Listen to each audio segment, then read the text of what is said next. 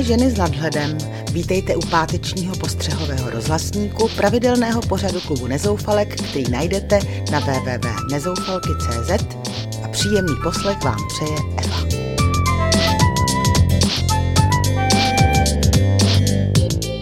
V dnešním rozhlasníku se podivím, že i velká výhra může člověku zničit život, smlsnu si na zdravém psím jídelníčku a otevřu bulvární okénko. 58-letý Brit, vzorný manžel a otec dvou dospělých dětí, si vsadil a vyhrál v přepočtu čtvrt miliardy korun. Radost oslavy velké plány. Jenže někde se stala chyba. Šťastný výherce výhru neunesl a začal utrácet. Koupil si několik luxusních vozů, závodní koně, VIP loži na fotbalovém stadionu. Nakonec se rozvedl, část výhry prohrál v hazardu a o další miliony ho připravil podvodník při pochybných obchodních investicích.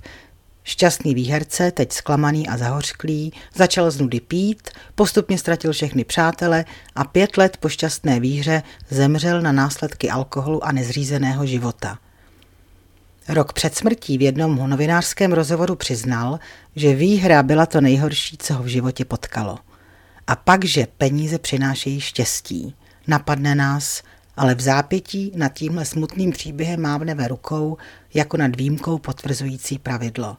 A zase po tom vysněném bohatství zatoužíme. Nedávno se moje známá, taky nadšená pejskařka, zatvářila zděšeně, když jsem svým psům dala do misek zbytky hovězího s rejskou omáčkou. Pro boha, co jim to dáváš? To přece psy nesmějí a pak mi udělala přednášku o zdravém psím jídelníčku. Tedy jen granule a občas konzervu, ale ne ty levné, jenom ty obohacené minerály a kalciem a vitamíny. Myslela jsem si své. Speciální psí strava je výdobytkem posledních desetiletí. A co psi žrali několik tisíciletí předtím? To, co jim naši předci dali ze svých stolů. A psíci nevymřeli, že? I já dávám svým miláčkům granule a konzervy, ale občas jim taky dopřeju nějakou tu dobrotu z našich kastrolů. Do minuty pak mají vylízané misky. Zatímco když dostanou granule, vrhají na mě vyčítavé pohledy a chroupají je jen pro nasycení žaludků. Drahými smrdutými chrupavkami a ušima pohrdají, ale vařené kosti od řezníka za pár korun bafnou nadšeně do tlamy a z rozkoší je hodiny ohryzávají. A i když už to nejsou žádní mladíci, oba jsou zatím zdraví jako řípy. Vždycky mě při monitoringu webových médií otráví bulvární výlevy typu rozchod je slavná, krásná, boží, ale zase už je sama. Má prostě smůlu na chlapy.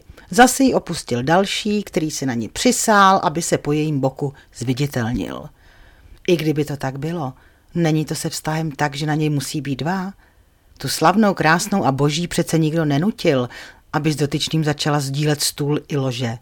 A aby na potkání vycinkávala do světa, že tohle je už konečně ten pravý chlap jejího života, předváděla ho jak medvěda v cirkuse a hlasitě se na svým štěstím zalikala.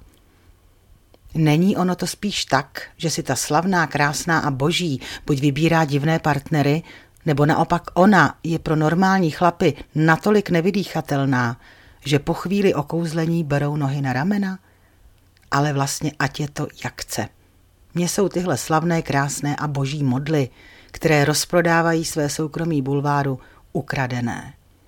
Ale vadí mi, že moje oči jsou týrány palcovými titulky o podobných nanicovatých blbostech i v seriózních médiích. Loučí se s vámi nezoufalka Eva a těší se na vás zase v úterý, kdy se přiznám ke své nekonečné válce s televizními ovladači.